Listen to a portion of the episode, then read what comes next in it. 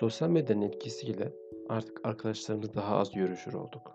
Şu pandemi sürecinde, dışarı çıkamadığımız şu süreçte insanlarla iletişimimiz hep telefonla, mesajla yapar olduk.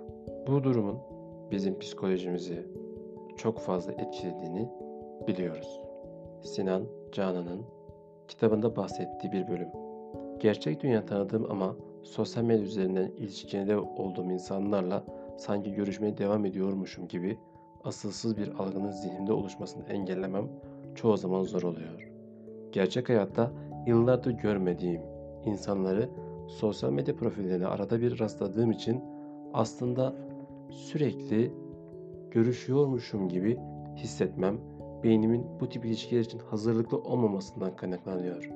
Sonuç ise biraz vahim.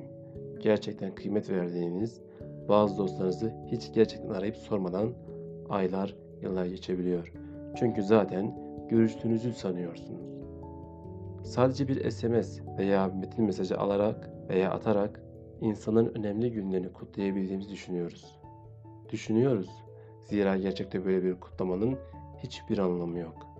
Bu sadece kendimizi ben ölmedim, buradayım diye hatırlatmaya yarayabilir. Bir tıkla gönderilen ve bir tıkla okunup silinebilen mesajlar insan iletişiminin gereklerini yerine getirmekten uzaktır.